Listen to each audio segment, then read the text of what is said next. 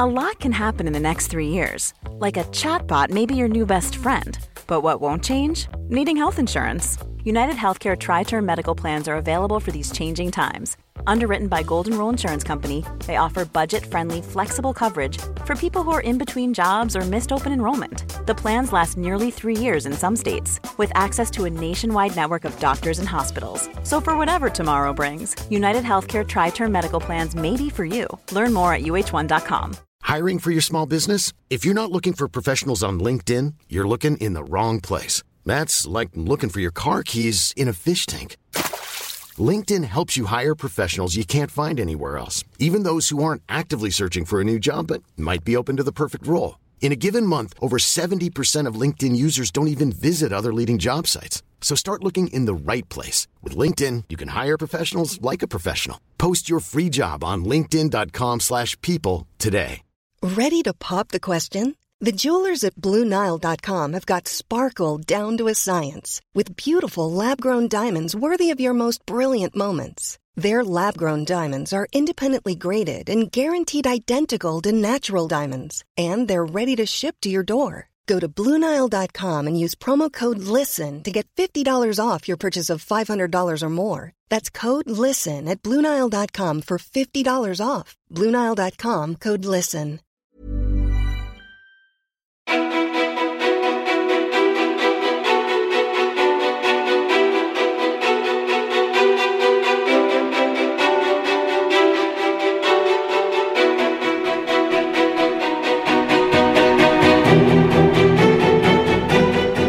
Madeleine Walls CV är långt.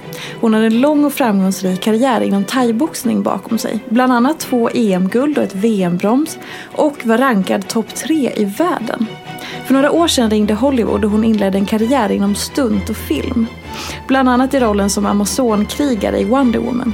Hon även syns i Johan Falk, Duellen, Aviciis musikvideo och nu senast i det nya programmet Elitstyrkans hemligheter.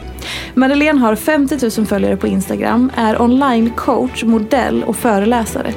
Hennes fighting-karriär avslutades hastigt då läkaren sa att hon var en smäll från döden. Hur avslutar man något som var så länge en del av ens identitet? Vem är egentligen Madeleine Wall? Varmt välkommen till podcasten Ofiltrerat med mig, Sofia Peterfia Ståhl.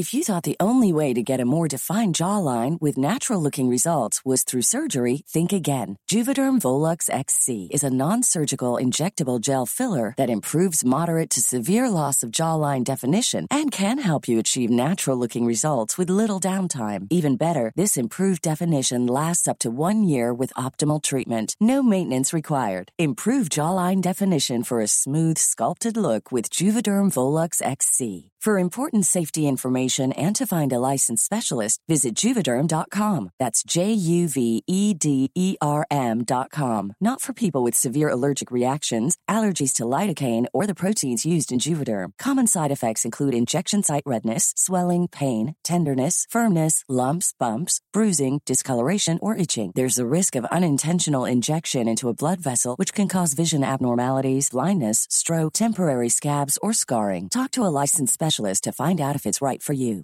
I'm Sandra, and I'm just the professional your small business was looking for. But you didn't hire me because you didn't use LinkedIn jobs. LinkedIn has professionals you can't find anywhere else, including those who aren't actively looking for a new job but might be open to the perfect role, like me. In a given month, over 70% of LinkedIn users don't visit other leading job sites. So if you're not looking on LinkedIn, you'll miss out on great candidates like Sandra. Start hiring professionals like a professional. Post your free job on linkedin.com/people slash people today.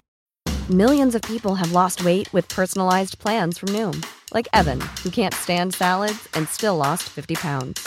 Salads generally for most people are the easy button, right? For me, that wasn't an option. I never really was a salad guy. That's just not who I am. But Noom worked for me. Get your personalized plan today at Noom.com. Real Noom user compensated to provide their story. In four weeks, the typical Noom user can expect to lose one to two pounds per week. Individual results may vary. Hey, it's Paige DeSorbo from Giggly Squad. High quality fashion without the price tag. Say hello to Quince.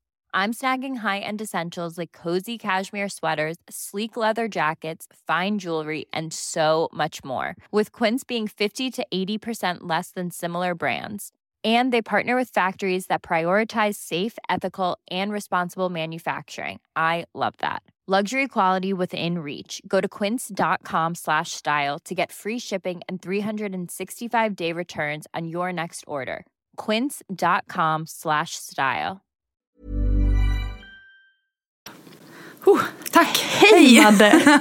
Och välkommen hit! Tack! Ett djupt andetag, du kom inrusande och bara jag hatar folk som är sena jag är sen. ja, det är faktiskt en sak. Jag älskat Stockholm från liksom, den sekunden jag flyttade hit. Ja. Men trafiken, det ja. kommer jag aldrig vänja mig vid. Eller mm. när man kommer från en liten stad så jag tror jag att det är ännu värre. Ja. ja, alltså man har ju ett annat perspektiv på avstånd ju. Alltså var en halvtimme när man bor i en liten stad, då, är, då åker Då är man, man i en annan stad. Exakt. exakt. Ja men gud ja. Mm. Och sen nu en halvtimme liksom så här, ja, då kommer man till sin arbetsplats. Kungsgatan Exakt. kommer jag på en halvtimme. Och där fastnade du. Okej men eh, eh, så här. Nu har jag marinerat mig själv i dig hela mm. morgonen och liksom bara så här insupit allting som jag går att hitta om dig. Och så tänker jag så här. Eh, när man är en stark kvinna på det uppenbara sättet som du är, alltså en så här en fysiskt stark kvinna som är cool och liksom, du vet alla de här attributen som, som blir du om man inte känner dig. Um, hur har det format dig? Förstår du vad jag menar? Att det blir liksom det här, okej okay, men det är fighting och det är liksom de här coola grejerna och det är alla de liksom coola, tuffa attributen om man ska vara så stereotyp. Alltså det har inte format mig eh, alls tänkte jag säga. Men inte på det sättet i att så här, det här eh, tycker man är coola, tuffa. Jag borde vara cool och tuff. Mm. Däremot har det format mig på så sätt att alla de sakerna jag har gjort har ju, har ju prövat mig och utvecklat mig. Så på så sätt så har jag ju blivit stark av det. Men, mm. Och sen jag går ju kanske inte runt och tänker att jag är stark. Liksom jag, tänk, jag, jag, ser ju inte mig själv så som man ser mig om man läser det. Mm. Antar jag. ja, precis. Hur skulle du liksom beskriva dig själv eh, om, man, om man tar bort alla de grejerna och allt det där som man kanske är första intrycket. Hur skulle du beskriva, vad är det första du skulle beskriva dig själv som eller med? Mm, det är ju det. ja, vem är du? Eh, ja, det är, är, jag ju inte helt eh, säker på än själv. Men det jag eh, vet är att jag är alltid på jakt efter att utvecklas. Så att jag är hungrig. Jag tycker inte om att stå still. Så att för mig är det utveckla eller avveckla. liksom. Mm. Eh, så att jag är nog driven i liksom, utan att behöva anstränga mig för det. Och, vilket ibland, för att ibland frågar så här, hur ska jag hitta motivation? Och så här, ja, jag har ju det så tacksamt i mig. Jag tänker inte så här, nu ska jag motivera mig. Liksom, utan jag vill göra allt jag gör. Det betyder inte att det alltid är skoj och där kommer ju dis disciplinen in. Men eh, Ja, det var i och för sig kanske inte superpersonligt. Men, Nej, men jag tror att om man träffar mig första gången så är jag ganska observerande. Speciellt om det är liksom i en grupp. Så jag går inte in och försöker ta plats utan jag kan nästan hålla mig lite i utkanten för att så här, ja, men läsa av både liksom stämningen men och personerna. Um, men sen är jag då med vänner som jag, eller folk som jag känner och som jag är trygg med, då har jag ju lite mer riv, mm. skulle jag vilja säga. och i, i det du sa, så här, du, har, du vill liksom utvecklas eller avveckla eller så. Eh, påverkar det hur du liksom värdesätter dig själv också?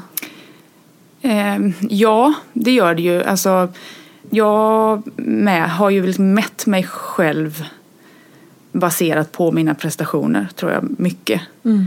Eh, och sen har jag, ju, har jag ju medvetet börjat jobba med det de senaste åren. Men det är ju så jag har, eller jag har inte liksom tänkt på att det har varit så men jag har förstått att det eh, har varit så. Sen har, har jag ju tävlat i så många år så det har varit ganska lätt också att det är som alltid, det ligger alltid en tävling eller liksom en prestation i, i, i planeringen. Liksom. Mm. Så att, och då är det också väldigt lätt att bara ja, men, haka upp sig på det. Eller, det blir ju också fel för att om man ska tävla som ett stort mästerskap eller gå en stor match till exempel så måste man ju fokusera på bara det. Så att, mm. Men det är ju också ett sätt att, men, att, att fly annat såklart. Om man är som jag. Hur, eh, när, alltså när du började förstå då att, eh, kan man säga att du har en prestationsbaserad självkänsla? Ja, men det kan man nog. Och hur var det när den insikten började liksom klonka till eller landa? Jag, jag vet inte. Det är för att jag... Så här, hur är man när man bara är? Mm. och vem är jag då? Ja. Liksom. Eh, och det, det, det, var liksom inte jobbigt, det var bara liksom främmande. Eh, mm. tror jag. Men, och som jag sa i introt, att så här, avsluta...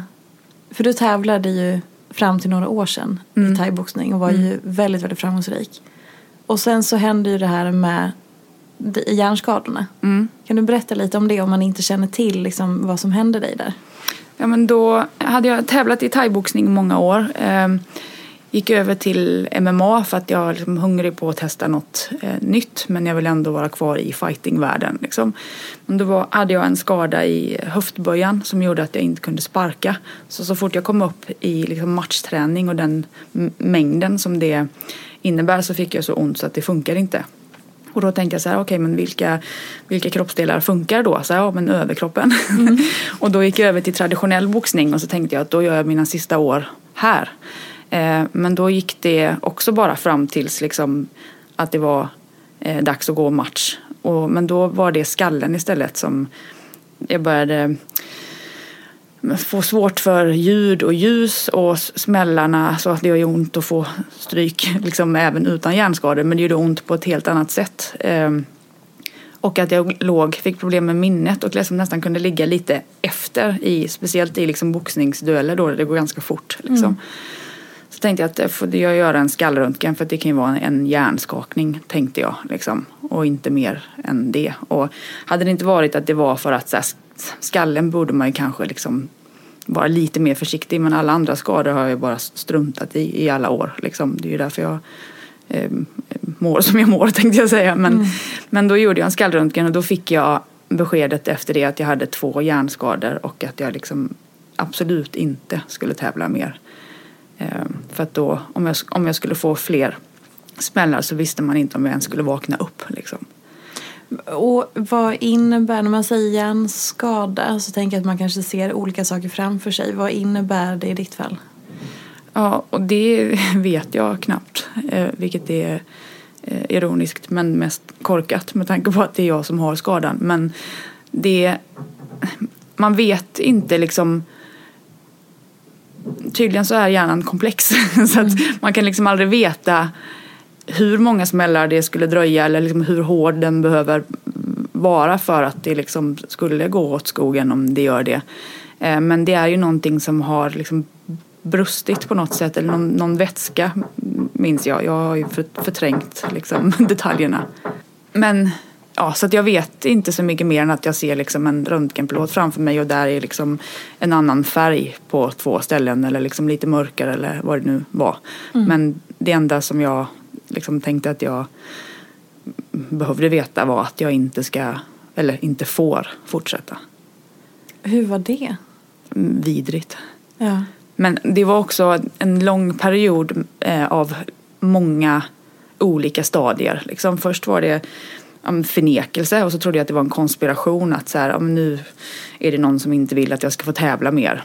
Mm. Och sen så var jag arg och ledsen eh, och sen så var jag mm, slutfasen är den som jag tycker var eh, ja, men läskigast för att då var jag på ett sätt som jag aldrig har varit. Även om jag har liksom gått igenom tuffa grejer tidigare så har jag liksom aldrig gett upp. Utan så här, jag det gör ont och liksom jag gråter eller är arg eller vad jag nu behöver göra och sen så går jag vidare och fortsätter kriga.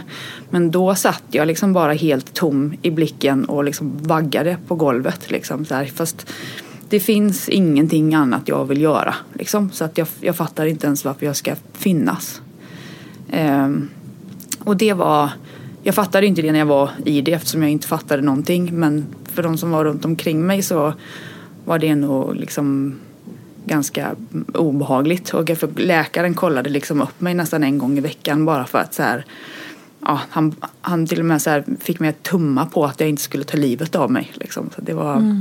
Nu hade jag liksom inga, inga planer på att aktivt avsluta mitt liv men jag såg heller ingen mening med att leva det. Liksom. Och hur länge var det så?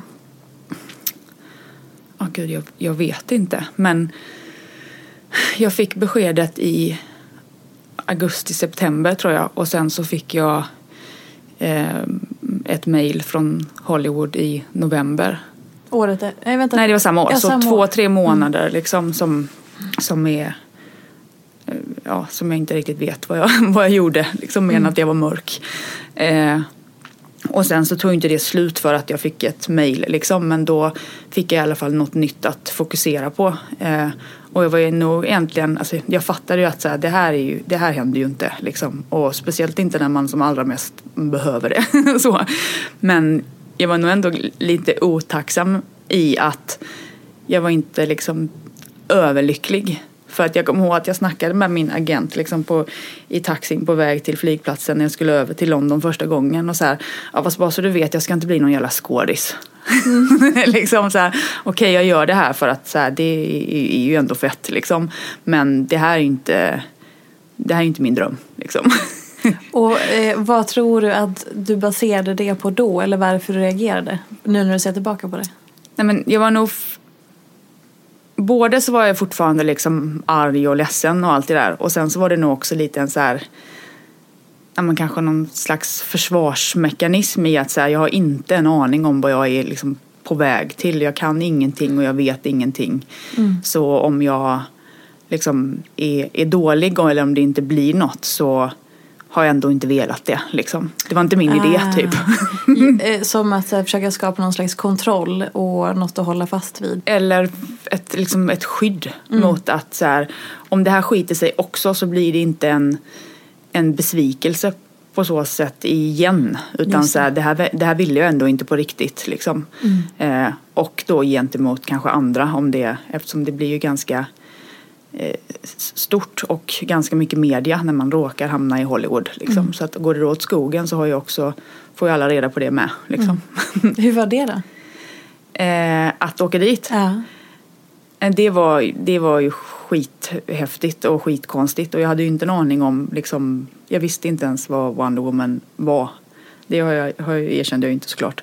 men, eh, men det som var tacksamt för mig var att det första vi gjorde var att gå in i liksom en sån dunder träningscamp. Så att vi tränade, tränade, tränade, tränade. Och så dagarna var ju liksom superstrukturerade. Och man blev hämtad och sen träna, äta, träna, äta, träna, äta, sova. Så det var ju typ som jag hade levt i tolv år. Mm. och jag mår alltid bra av att vara fysisk. Så att för mig var det ju liksom toppen att börja med det. Plus att ja, men då fick jag tankarna på annat för det var ju massa nya människor och så vill jag ju också alltid prestera så att när jag var på varje, liksom om det var fysträning eller om det var eh, stuntkoreografi eller så gjorde vi stunts till häst. Alltså jag ville ju alltid prestera i varje moment och då var jag ju tvungen att vara där. Mm. Vilket innebar att jag också var tvungen att stänga av alla liksom de eh, jobbiga liksom, tankarna och sorgen. Liksom. Har det varit en strategi genom livet att du stänger av? Ja, det kan man nog säga. Och, och hur, eh, hur påverkas du av det? Det, är ju, det kan ju både vara en superkraft och en svaghet. Eh, liksom för att det, det är ju bra att kunna stänga av liksom smärta i, liksom, i, i korta eh, stunder eller eh, rädslor eller vad det nu kan vara och, liksom, och, och köra ändå. Eh, men det, det innebär ju också att jag kan stänga av och köra långt över gränsen. Mm. Eh, liksom både fysiskt och psykiskt och sen rent känslomässigt så att bara för att man stänger av så försvinner ju liksom inte det som är obearbetat utan det kommer ju ikapp. Liksom. Så att på så sätt är det ju dåligt att inte känna. Och nu, när, för nu är ju det här några år sedan då, och med de här insikterna ändå hur det påverkar dig, hur förhåller du dig till sorg eller jobbiga saker eller jobbiga känslor här och nu i livet? Liksom? Lite mer alltså, tid. Just här och nu så har jag ju för första gången liksom medvetet och aktivt nu jobbar jag med det. Liksom med går hos en psykolog för exakt det. Liksom. Mm. Men fram tills nu så har jag nog fortsatt lite i att stänga av och, och köra. Försöka hitta nya kickar eller liksom nya saker som då skulle ersätta thaiboxningen. Eh, men nu, nu, nu räcker det. Det betyder inte att jag inte vill fortsätta liksom utvecklas och prestera. Men jag vill, eh, jag behöver gå liksom titta mer inåt. Det är ju en väldigt viktig och svår insikt att komma till det. Mm. Att så här, oj, så som jag har levt hela mitt liv och det här mönstret, det blir en form av trygghet. Att säga, okej, okay, men det här är min strategi genom mm. olika perioder. Vad var det som fick dig att liksom helt plötsligt då ändra riktning? Att så här, ja, jag vill titta inåt. Nu är jag redo för det. Jag vågar. Det är en ganska eh, lång process för att det börjar ju med att först så här, okej det här är ett mönster jag har. Att bara förstå vad det är man gör. För stänger man av så stänger man ju av allt. Liksom. Mm. Eh, även eh, möjligheter till insikter. så det var nog det första att jag så här, ja, men förstod vad det är jag har gjort. Och sen blir det ju, blev det en period av att jag borde. Men var inte tillräckligt motiverad till att göra förändringen utan så jag var medveten om mitt beteende men fortsatte ändå lite eh, på samma sätt. Mm. Tills eh, ja, men det var nog egentligen tv-programmet som rullar nu men mm. som jag spelade in eh, för några månader sedan. Eh, då var jag så nedbruten och så långt nere att jag säger fast jag, jag orkar inte mer. Liksom. Det är det som går på fyra nu, till ja. eh, Elitstyrkans hemligheter. Mm. Och vad i det var det som, som hände? Jag vet inte om det var liksom själva tv-programmet i, i sig eller att det var att jag var, liksom jag var ganska, eller jag var nedbruten redan innan och det blev liksom lite droppen. Eh, och för att liksom de psykiska och fysiska påfrestningarna vi utsattes för var så det, det liksom, hur kan det bli värre? liksom. eh, så det var nog mer att så då var jag så långt nere som jag bara kunde vara. Och ur det så det finns ju liksom bara en väg ur det. Och då... Men den kombinationen, att känna att man är så nedbruten först, eller som det är, mm. och sen att gå in i ett sånt tv-program med de Mm. Hur, det kan jag tänka mig att inte alla hade klarat av. Nej men vem fan gör det Nej. mot sig själv? Liksom. Och på Nej. tv. Ja. Varför gjorde du det mot dig själv? Eh, det, jag tror att det är, är tvådelat. Eh, den ena är ju av samma anledning som jag liksom vill fightas eller jag vill lära mig skjuta eller jag vill, alltså det är ju eh, om en action eh, attraktionen men också att det jag har liksom mer gått över i är ju då alltså över, jag vill vara grym på att överleva och mm. hantera men, farliga situationer på riktigt. Eh, så det här var ju det ultimata eh, i, liksom, för mig i, i det avseendet. Men sen var det nog på samma sätt som liksom, nästa match eller nästa mästerskap. Eh, att det var en flykt Mm. För att det, då var det ju bara 100% fokusera på det och allt annat stänger jag av. Liksom. Så att det var liksom en, eh, en positiv del och en mer destruktiv del tror jag. Eh, och det visste ju nog ingen runt omkring mig att jag var så långt nere som jag var för att jag stänger ju av och jag är en mästare på att inte visa. Och så isolerar jag mig också gärna lite för att även när jag liksom mår bra så tycker jag det är ganska skönt att vara liksom ensam. Jag tycker om att vara i skogen och jag har inga problem med att träna själv. Och jag, jag jobbar hårt liksom så att jag eh, men när jag då mår sämre så, så, drar jag mig liksom bort från allt socialt. Och det var det jag gjorde de sista månaderna. Liksom. Och då är det också ganska svårt att veta hur jag mår. För att på, alltså där man då ser mig är ju i liksom mina kanaler och mina sociala medier. Och där tränar jag och reser och mm. gör massa liksom roliga och spännande grejer. Liksom, så att det, det är nog ganska svårt att, att veta samtidigt som jag själv just där när jag har när jag gått så långt att jag liksom stänger av helt, då fattar jag ju inte ens det själv. Liksom. Nu vet jag inte ens vad frågan var. Nej men det spelar ingen roll. Men också i det här då, då är det ju intressant, eller så här, för då sa du att det, det, blir som en, en flykt så när du kan bara liksom släppa allt annat och börja fokusera på matchen eller på mm. utmaningen eller sådana saker. Eh, vad är det du har flytt ifrån? Ja, alltså att, att känna känslor generellt. Um, men då var det ju som, jag separerade precis efter eh, tv-programmet och det hade ju säkert legat och, och liksom pyrt där under liksom en längre tid än vad jag själv hade förstått. Bara att jag inte visste liksom kanske då att det var det som jag skulle göra. Utan det är så här, jag, jag mår inte bra. Eh, liksom, men, men inte gått in i vad det är som gör att jag inte mår bra. Liksom. Mm. Eh, så att det, jag tror också att när man det, som, det det handlade för oss, det det handlade om där, även om det bara är ett tv-program, men det fanns ingenting för oss när vi var där som, som gjorde att det kändes som att vi var i ett tv-program. Alltså, vi, vi kämpade ju för att överleva, liksom, mm. på riktigt. Sen fanns det kameror i, liksom, i utkanterna av liksom, våra dagar och nätter. Men det, det, till slut, det, det tar ju inte lång tid innan man skiter fullständigt i dem. För att så här, det, det, det, finns bara ett fokus och det är att liksom fixa ja, men en sak i taget. Mm. Och det är också häftigt hur man då, alltså, som ingen av oss kände ju varandra tidigare, att man så när, när det bara är det absolut mest primära då, då samarbetar man och hjälper varandra och ingenting har någon betydelse. Liksom.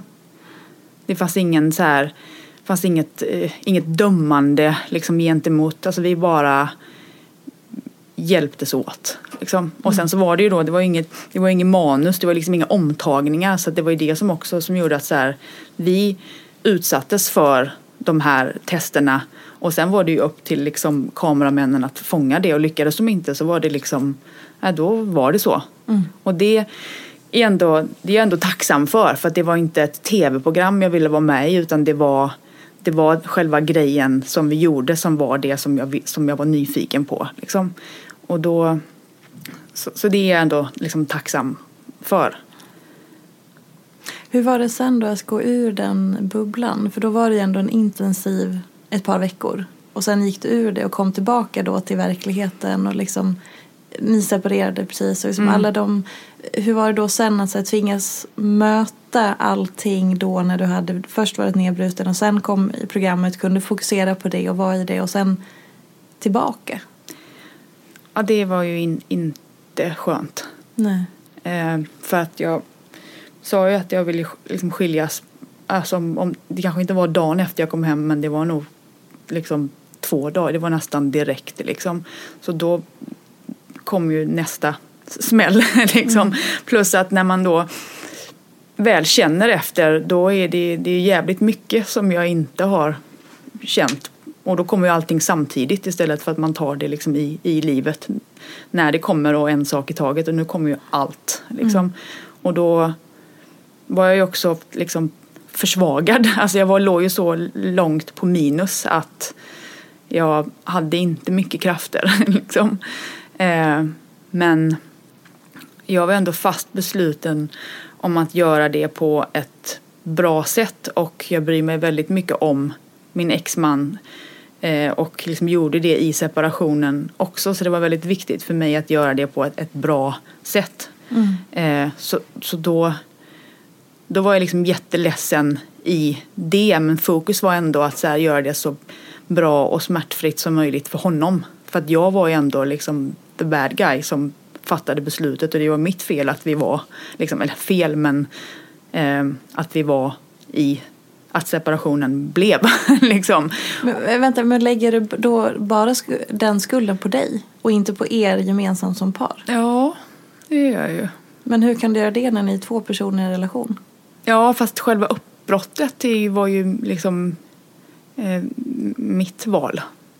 Men sen så blir det också så här, ja, men man är ju alltid två. Och även, absolut att man, man är den som tar beslutet. Men oavsett hur relationen har varit så har man ju alltid gemensamt ansvar någonstans. Kan jag tycka. Och liksom att så här, ja, nu vet jag inte hur det var för er. Men jag tänker att man kommunicerar ju ändå under tiden. Och att det är en process. Och liksom, jag, jag, jag har bara landat någonstans i att Absolut att man kan vara den som tar beslutet och lägga skulden på sig själv. Men just att det är ju ändå gemensamt. För att man, man gör ju resan var den än landar ihop. Om du förstår vad jag menar. Ja, jag, jag förstår precis vad du menar men jag la ändå det på mig. Ja, men det o- förstår jag Men det är verkligen. också för att så här, det som var mina anledningar till att gå isär var, var bara upplevt av mig. Mm. Och berodde liksom på mig. På att jag liksom ville göra andra saker. På att jag, för att jag ville liksom ut. Och då menar jag liksom inte ut på krogen. Men bara att jag liksom vill göra allt det som jag vill göra. Eh, utan att det ska vara på bekostnad av någon annan. Eh, och, där, och det är inte så att han på något sätt liksom kontrollerade eller höll mig tillbaka. Men man kompromissar ju i en alltså, familj. Eh, och vi är väldigt olika och det har vi alltid varit så det var inget som liksom jag förstod då. Eh, och har alltid varit, liksom, vår styrka har varit att kommunicera och jag har inte ens sett våra olikheter som något dåligt utan jag ty- kan tycka att det är ganska liksom, härligt att med de kontrasterna eh, men det blev med åren så blev det liksom, det blir ändå lite friktion varje gång jag kommer liksom med en ny grej eller ett nytt yrke eller liksom en ny livsfarlig grej som jag måste göra. liksom. Och till slut så tog det så mycket energi att liksom men att gå igenom det och eh, för att jag har ju alltid, visat, visat respekt för han för inte typ jag gör min grej och sen skiter jag i resten utan det är så här, det ska diskuteras och hur, hur hittar vi en lösning så det liksom funkar för alla och sen till slut så kändes det som att den, den processen bara var så stor så att det, för jag hade ju en egen process innan det skulle tas upp för att liksom hitta ett bra sätt att säga det på och liksom, ja. Men eh, så att jag tycker ändå att så här, om, om jag bara hade varit liksom mer normal så hade vi inte eh, Eller om han hade varit mer som du. Alltså, Ja, ja men jag, jag vet men det, det, Eh, det, det jag tycker bara att det blir, eller så här, det, du, det blir som att du är så hård mot dig själv. Som att du tar så här ensamt ansvar för hela er relation när ni är två olika människor och man liksom det ger och ta och man, alltså man kan ju vända och vrida på det. Så här, absolut, du hade kunnat vara mer som han eller han mer som du. Eller liksom, det blir bara så tungt för dig att få bära hela skulden eller hela det dåliga samvetet eller hela ansvaret. Jag vill bara så ta Ja, det lite ja, från dina ja. axlar. ja. Men eh, jag, jag gör ju så mot mig själv. Liksom. Ja, jämt. Eh, ja, jag tror det. Ja.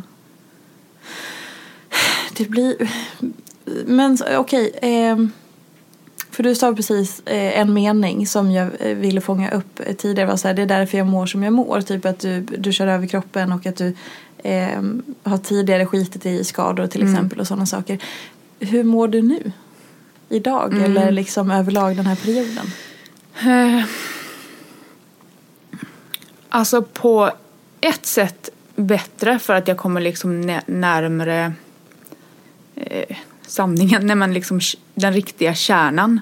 Eh, men jag har ju mått väldigt dåligt liksom fram tills jag parkerade innan här. Nej jag skojar men, men i hela hösten och vintern och då har det ju varit både att jag liksom rent fysiskt ska, ah, ska återhämta mig från liksom skador och utmattning och, och allt sånt. Men då, och sen skilsmässan eh, och tv-programmet har satt sina spår. Eh, så att det har varit förmodligen den tyngsta perioden i mitt liv. Ja, ja, hjärnskade, liksom, chocken var ju inte så härlig heller. Men nu har det ändå varit så här ja, men djupare på något sätt. Och då som jag samtidigt liksom i alla de här del, liksom i den här perioden bestämt mig för att så här, jag ska stanna upp och jag ska känna skiten nu liksom. Ehm, och då känns det ju mer. Det kräver ju mod Ja. också. För jag tänker att är det någonting som du kan så är det att stänga av. Och det liksom blir ju det, ju, det kan du ju så bra i så fall. Och då krävs det verkligen att man är modig. Att våga bryta det. Ja, smärta driver förändring. Liksom, Det var tvungen att göra riktigt ont och det var tvungen att gå liksom långt för att jag ska säga fast jag orkar inte mer. Jag, jag orkar verkligen inte mer. Och så liksom kunde någon fråga så här, vad? Nej men allt, inget. Liksom, det går inte. Jag kommer få en hjärnblödning. Liksom. Jag kommer dö. Ehm, Och känns det så nu också? Där du befinner dig idag? Nej men det gör det ju inte för att nu tvingar jag ju mig själv att stanna upp. Eh, och så här tvinga mig själv till att liksom eh, ha, eh, sova minst sju timmar och det är skitsvårt. Alltså jag har legat på tre, fyra timmar Jämt? ja, i många år. Åh herregud. Ja, kanske inte, inte liksom varje dag i flera år men hela sommaren. Eh, och sen eh, i perioder. Och sen så har jag också då svårt att sova. Men det är ju för att jag har, jag har förmodligen liksom legat på ett så högt kortisol liksom, värde att jag kommer liksom aldrig riktigt ner i varv och så en inre både en stress i att jag har liksom haft alldeles för mycket saker att göra men också liksom på, på insidan att det, så här, det, det slutar aldrig snurra. Ehm, så sömnen har jag ju liksom, går jag in och aktivt nu liksom ser till att den fås. Ehm, och så pratar jag med psykolog. Ehm, och sen så försöker jag liksom prata snällt till mig själv. Eller i alla fall inte elakt, det är ju en bra start. Hur är det då? Eh, svårt. Och det är ju såklart härligare mm, att liksom få snälla ord än elaka. Men det är också, det är väldigt lätt att bara falla tillbaka. För att jag kom lite på fötter liksom i, innan jul i november. Men sen så gav jag, in, gav, mig, gav jag mig in i ett nytt jobbprojekt och sen direkt så bara föll jag tillbaka i att så här, ja men jag kan jobba några timmar till. Och liksom några till och sen så när jag är igång där så kan jag liksom bara fortsätta ta beslut som gör att jag liksom driver mig ännu längre liksom eller hårdare. För när man är uppe i det så är det, liksom, det är nästan så att jag kan boka in mer. För att jag ändå liksom är, ja men det är som eh, när man svälter, att till, till slut kommer man till en gräns att man nästan får liksom kickar på det fast att man, det finns ju ingen energi att få kickar på. liksom Det är som att de kommer för, för långt så, så, um, så händer något. Liksom. Det är nästan jobbigare att, att komma ner i varv emellanåt för då känner man ju om man är trött. Då är det ju asjobbigt. liksom. Ja. Jag var ledig min så här, första dag på nyårsdagen. Så var jag liksom eh, ledig en- min första heldag på, alltså jag vet inte, jag vet inte hur länge. Och då satt jag sen så bara, men gud, jag orkar ju knappt liksom. jag, nu vill man ju knappt börja jobba igen. Ja. Nej men det är som att det, när man känner hur trött man är då är det ju inte lika roligt. Det är bättre att stänga av då. Eller så är det inte det. Nej, nej, det är inte bättre. Det är lättare. Förlåt. Exakt, Absolut jag inte förstår. bättre. Mm. Men och då, eh, alltså blir du rädd då? När, när den där känslan av att så här, nu är jag så trött att jag vet inte vad jag ska ta vägen. Nu stänger liksom, för, att, för så här, när, när jag, jag upplevde det där också. Eh, framförallt i och med min utmattning för många år sedan. Och då var det som att jag Alltså det var som att kroppen försökte sluka en hel när man släppte, när man lite så här lugnade ner sig och så precis som du beskriver, man kanske hade en dag ledig då och tröttheten började komma fram. Då var det som att hela det liksom bara så här, bara så här nu jävlar ska du förstå hur trött du är. Så att kroppen typ så här, jag kan nästan beskrivas som att det kom typ en havsvåg. Mm. Så bara, Wah! nu ska du fatta, så här jävla trött är det på riktigt. Och bara, Mm. åh gud jag får panik. Och så bara, alltså att man, jag blev väldigt rädd när den känslan kom. För jag blev slukad av mitt riktiga mående. Kan du relatera till Ja, det? jag, ja, jag fattar vad du menar. Jag blev in, inte så rädd av själva liksom känslan att vara trött utan mer i den i förhållande till att så här, fast det jag, ska, det jag har att göra det funkar inte att, att vara så här trött. Så då fick jag ju mer panik i att så här okej men hur ska jag då orka fortsätta från och med imorgon när jag kollar i min kalender? Ja. För att det går inte när jag är så här trött. Just det. Men jag bara fick en tanke nu när vi satt och pratade. För jag, min, min, eh, I början när jag sa det här, hur har alla de här eh, attributen av de här coola grejerna. Som, alltså jag tror att många människor skulle ändå säga att du gör väldigt många coola grejer. Eh, och så här, hur har det påverkat dig och så.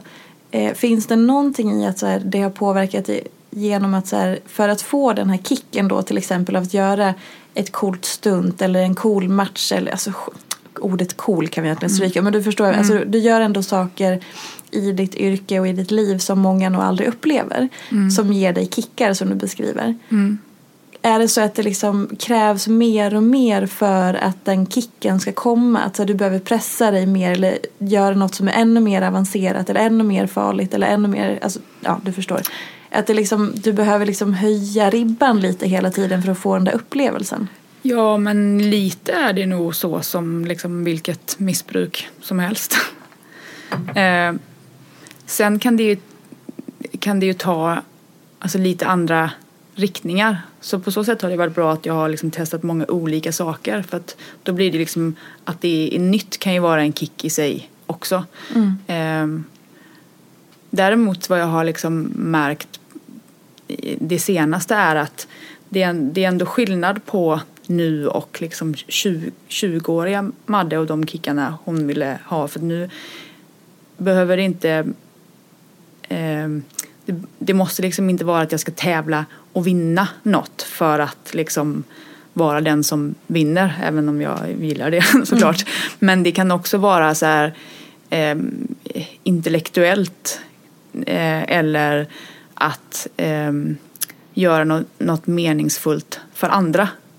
För det tror jag att jag har känt lite liksom det senaste att så här, det, kickarna, jag får liksom inte ut lika mycket av det längre. Det är som att det fattas en, en grej.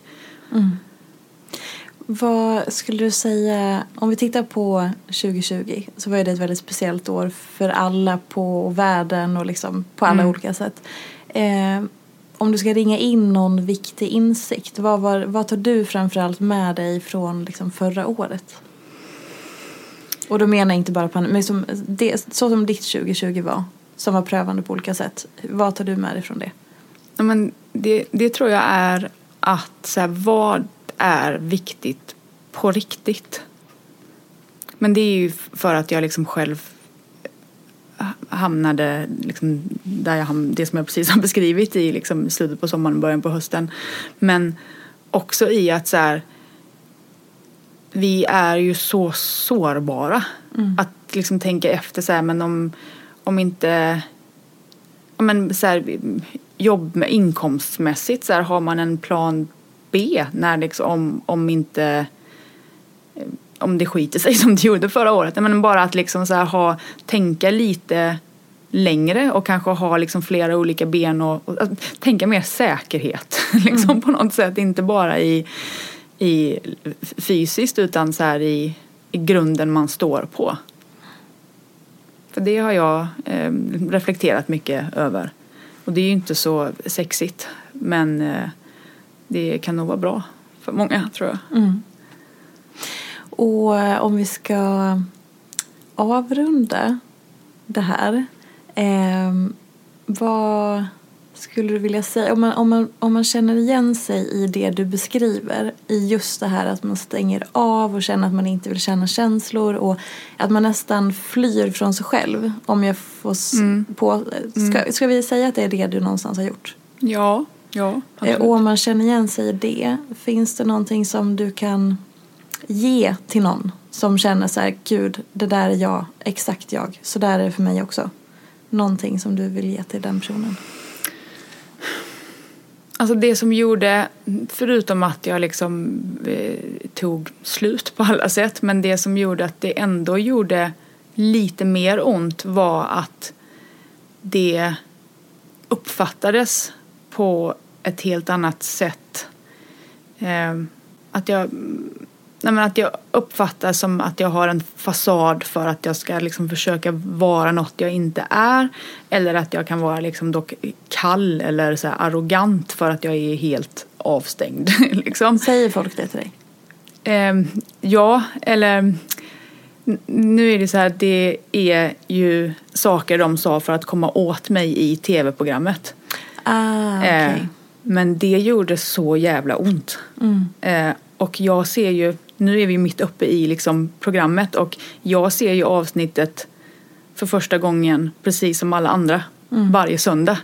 Så att jag vet inte än vad som är deras liksom, eh, verkliga åsikter och vad som är en strategi. Så att jag kan liksom inte riktigt eh, göra klart analysen kring mig själv. Men det jag inte vill är att folk ska tro att jag liksom sitter på min kant för att jag tycker att jag är bättre än alla andra. Liksom. Eller för att, nej, att jag, jag menar, av att jag är som jag är av liksom ohärliga anledningar. Mm. Eh, och, och jag vill absolut inte vara respektlös. Jag vill ju bemöta människor på ett bra sätt som får liksom, dem att må bra. Nu är det inte liksom min uppgift att liksom, frälsa andra men jag vill ändå inte eh, framstå som något jag inte är och inte har för avsikt i att liksom eh, så. Så det, det var jobbigt för att så här, men det, jag ville liksom skrika typ att så här, men nej så är det inte. Så är det mm. inte alls liksom.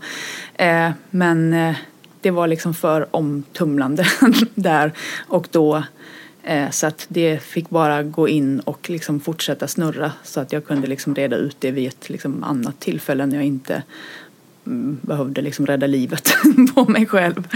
Eh, eh, så när du sa tidigare att programmet satte spår, mm. är det lite det här som du menar då? Ja. Eller andra saker? För att jag vill ju, för det första så vill jag ju vara bra.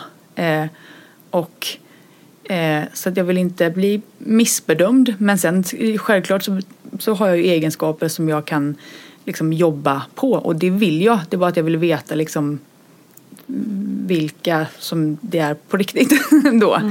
Eh, men så det har jag ju grubblat väldigt mycket på. Och jag vill ju liksom lära mig någonting av det. Eh, jag vill inte ja, men, ja, men stänga av och gå vidare. Och jag vill inte heller så här de är dumma i huvudet för de sa så. Utan så här, men vad, vilka grejer finns det sanning i? Liksom? Vad kan jag ta med mig av det? För det är liksom en otrolig eh, läxa tänkte jag säga. Men för att man kommer ju verkligen till kärnan när, det, när man är så långt nere. Liksom i, mm. Eh, och det, jag tror att det är lite det som, det är inte helt olikt fightingen för att när det är så på riktigt och det inte finns utrymme för något blaj liksom. Då blir det för mig så rent och äkta. Och det är det som jag tyckte så mycket om med fighting, att gå in i, i ringen. Man kan liksom inte spela tuff för att man står där själv. Så det man känner, det, är, det känner man. Liksom, det går inte att låtsas något annat. Eh, och då... Så att de... Ja, de likheterna gillar jag för att det är där som man vet vem man är och vad man kan göra för att bli bättre och starkare. Men jag har fortfarande inte svarat på din fråga. Men, jo, jag, men, nej, men jag tänker om, om man, om man jag, jag skulle ju säga att man ska prata med någon som är proffs på det här. Alltså gå och prata med en psykolog eller liksom. För att det hjälper så mycket. För att ofta om man, om man då har, liksom, har kommit ganska långt ner i en, en nedåtgående spiral så tänker man kanske inte friskt heller. Och då är det mm. svårt att liksom med sjuka tankar liksom försöka vara den som gör sig själv frisk. Det är jättesvårt. Liksom. Mm. Och att det, inte, det, är liksom inte, det är inte fult och dåligt att gå till någon utan det är skitbra. Liksom. Oh ja, så värdefullt. Mm. Och den absolut sista frågan som alla mina gäster får är vad är inte som det ser ut? Ja men fasaden då. Nej men det är ett hårt skal och det är det ju av en anledning. Men det finns ju mycket liksom. Din egen eller allas? Eh, nej, mitt, jag kan ju bara prata för mig själv. Ja. Men eh, det finns ju liksom mycket. Jag tror att det finns mycket känslor. Det är bara att de liksom de göms. Du, eh, tack så jättemycket för att du har delat med dig av allting. Tack själv. Så otroligt viktigt att prata om och sätta ord på. Och jag tror att väldigt många känner igen sig i både att inte våga vara i sina känslor och eh, också så blir det ju en påminnelse som du precis sa att det man ser, det är det man ser. Men det betyder inte att man vet allting om en person eller en situation eller en personlighet eller vad den är. Nej. Nej men man vet inte vad den går igenom eller vad den har i bagaget. Liksom. Exakt. Så tack för den, eh, både att du delar med dig så personligt och eh, den otroligt viktiga påminnelsen som jag tror att vi alla behöver i den här världen som är mycket fasadbyggande ändå på olika sätt. Är det något du vill lägga till? Nej jag vill bara säga tack. Och följ Madde på eh, sociala medier. Madeleine Wall Beijer heter du eh, på Instagram. Ehm, och titta på programmet på fyran. Elitsoldaternas hemligheter. Lid med mig. Ja. Och sen du- har du spelat in är det någonting mer som du vill, eh, kan skvallra om som kommer i 2021 kanske? Ja, det gjorde jag ju också direkt efter tv-programmet. Jag kom ju hem, eh, sa att jag ville ha skilsmässa och sen åkte jag direkt för att spela in en annan film. Coolt. Är det den man har sett när du står liksom lite blodig och s- skadad liksom? Ja, den, är ju, den är ju bara nice. Alltså att spela in film på det sättet är ju, det är ju bara kul. Det är, det är långa arbetsdagar men så här, man bor på hotell, eh, man slåss men man får inte ont för det är inte på riktigt. och blir sminkad, får hänga med skitroliga människor, resa. Ja, Livet helt enkelt. Eh, ja. Nej men gud vad spännande. Och när kan vi se det här då? sen vår tror jag. Sen filmbranschen är ju som den är. Det är Ja. inte alltid riktigt, det, det blir sällan som det är sagt. Men eh, den heter Last Man Down. Kommer ha premi- premiär någon gång i år i alla fall hoppas jag. Spännande. Tusen tack och eh, var rädda om er där ute. Och eh, ja, jag säger så här. Vi följer restriktionerna och håller ut lite till så kan vi snart ses på stan helt enkelt. Puss och kram. Hej då! Följ mig gärna i sociala medier. Jag heter Peterfia på Instagram och bloggar på peterfia.se. Vill du komma i kontakt med mig så gör du det på info.peterfia.se.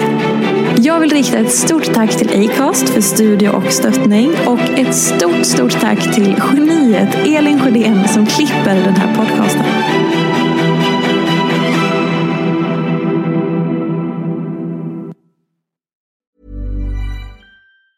Hey, it's Danny Pellegrino from Everything Iconic. Ready to upgrade your style game without blowing your budget? Check out Quince. They've got all the good stuff shirts and polos, activewear, and fine leather goods, all at 50 to 80% less than other high end brands. And the best part? They're all about safe, ethical, and responsible manufacturing. Get that luxury vibe without the luxury price tag. Hit up quince.com slash upgrade for free shipping and 365 day returns on your next order. That's quince.com slash upgrade. Even when we're on a budget, we still deserve nice things.